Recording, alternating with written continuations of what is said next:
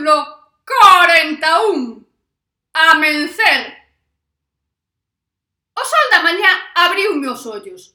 Doíanme todos os osos. Estaba deitada en riba de Ramón, camiña cara no seu ombreiro, e aínda así notaba como se dormira en riba dunha rocha. Erguinme máis cansa do que me deitara. O pescozo todo retorcido e non sentía nada, nin as pernas, nin o resto. El dormía. Parecía tranquilo e feliz. Demasiado tranquilo. Por uns segundos naquela plácida mañá entroume o pánico. E se dormira arriba dun morto? Sí, serei egoísta, pero polo menos sincera que iso foi o primeiro que pensei. Sei que debín pensar Por Deus, que non estea morto! Que tamén o pensei, aínda que despois o primeiro foi o noxo de estar sobre un anaco de touciño pasado. Pero na miña defensa direi que só foron unhas mini milésimas de segundo, moi minis. Cando reaccionei pasadas esas mini milésimas de segundo, apoiei a miña orella enriba do seu peito e latexaba.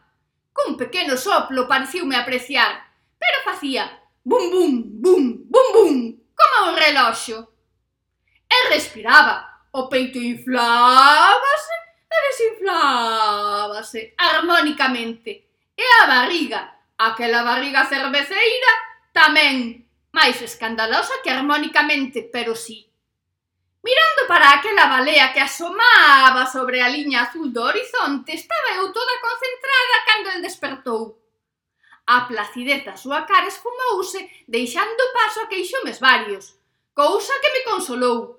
Non só eu e a bella. Arguixou un pouco, incorporouse e mirou de redor. É o bosque? Preguntou extrañado. Ni reparara nel, Mirei tamén derredor e a espesura desaparecera.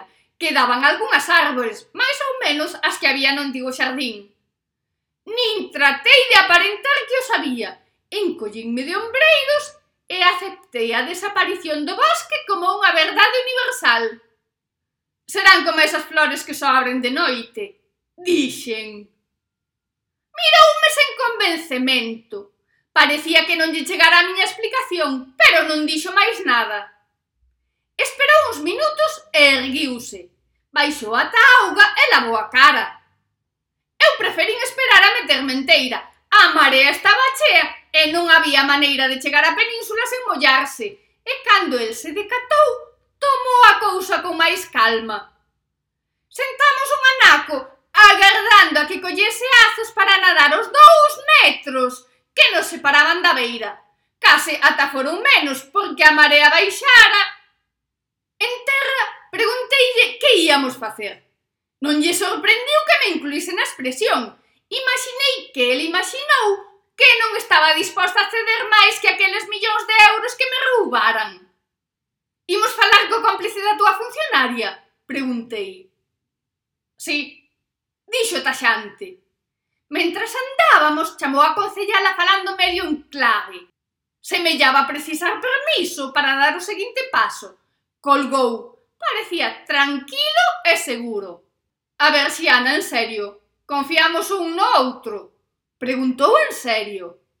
Dubidei. El falaba en serio e eu dubidaba en serio.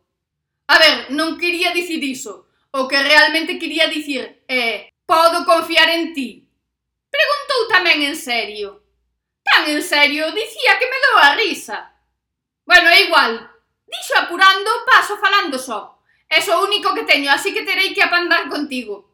De todos os xeitos, esa única que sabe toda a historia, polo menos toda a que eu sei. Mireino condescendente, que eu sabía toda a historia. Toda a que el sabía.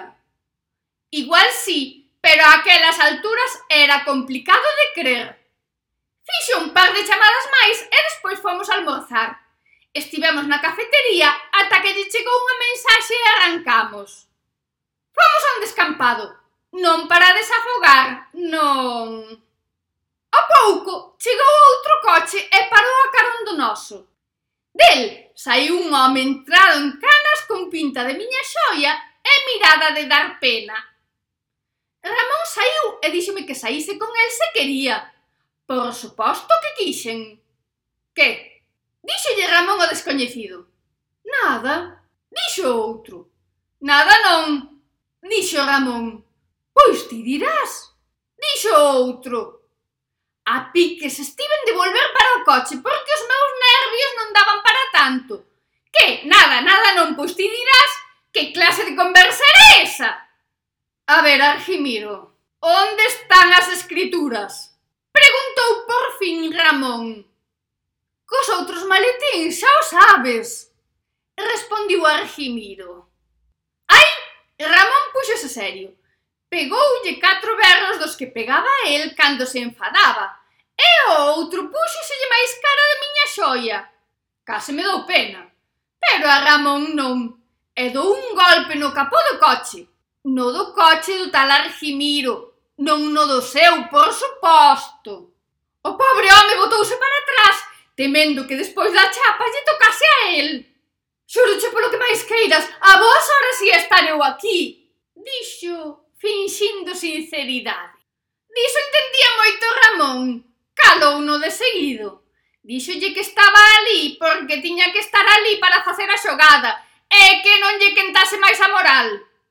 O home mirou o chan e cando erguiu a vista de novo, volviu dicirlle que non sabía das escrituras máis que que foran nun dos maletíns dos cartos.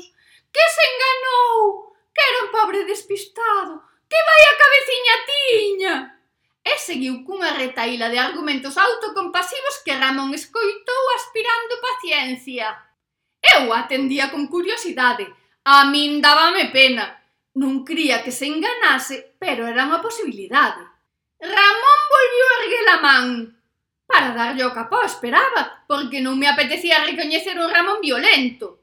Pero ou Argimiro o coñecía mellor que a min, ou tiña algo que agachar, e tiña medo. Non! Ten razón, non! Ten, teño seu, teño seu! Dixo poñendo as mans sobre a cara en actitude defensiva que dirían en CSI.